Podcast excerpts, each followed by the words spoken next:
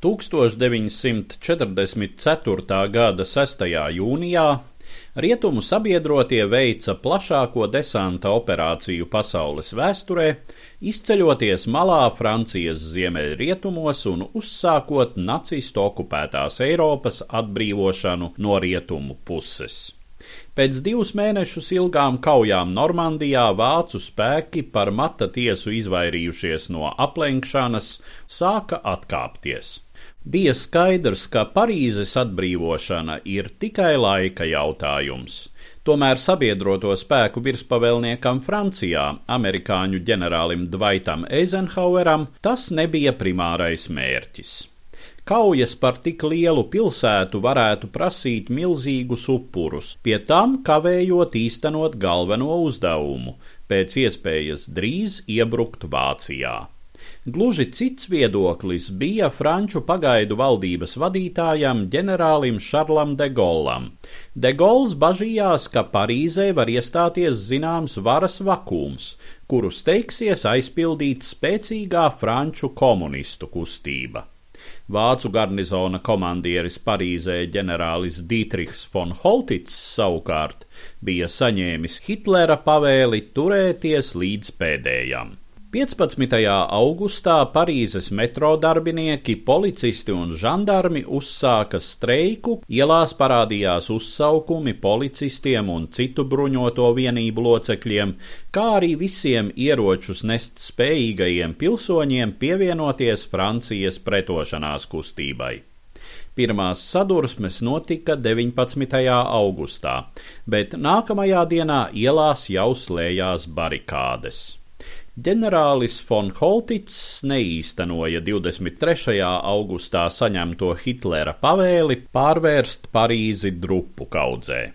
Lai gan ticams, ka šī pavēle arī nebija īstenojama, jo vācieši pilsētā kontrolēja vairs tikai atsevišķus strateģiskos punktus.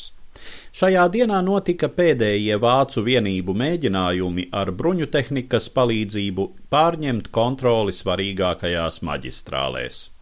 Tajā pašā laikā ģenerālis de Gauls uzdeva otrās franču bruņu tanku divīzijas komandierim Filipam Leklēram nekavējoties virzīties uz Parīzi, neskatoties uz to, ka Leklēra tiešais komandieris amerikāņu ģenerālis Leonards Džerovs bija devis citus norādījumus.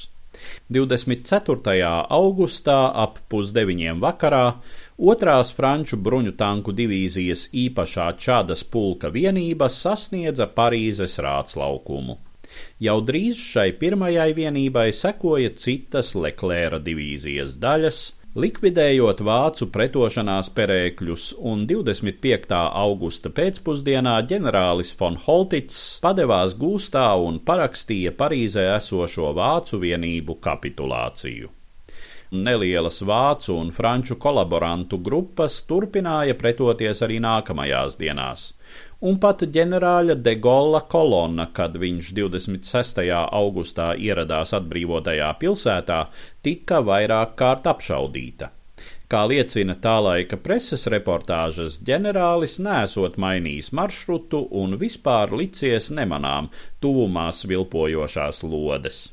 Ar visu savu stāju De Gauls šais dienās demonstrēja, ka tieši viņš, brīvās un demokrātiskās Francijas republikas līderis, ir šīs pilsētas un valsts saimnieks. 26. augusta pēcpusdienā Šarls de Gauls uzrunāja sapulcējušos pie pilsētas rātsnama.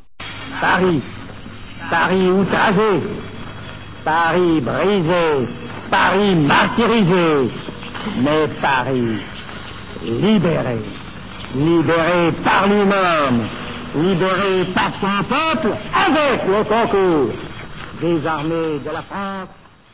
Parīze, satrakotā Parīze, sagrautā Parīze, izmocītā Parīze, bet atbrīvotā Parīze, atbrīvota pašas spēkiem, tās ļaužu spēkiem, ar franču armijas palīdzību, ar visas Francijas atbalstu un palīdzību. Tās Francijas, kas cīnās, tās vienīgās Francijas, patiesās Francijas, mūžīgās Francijas. de la vraie France, de la France éternelle.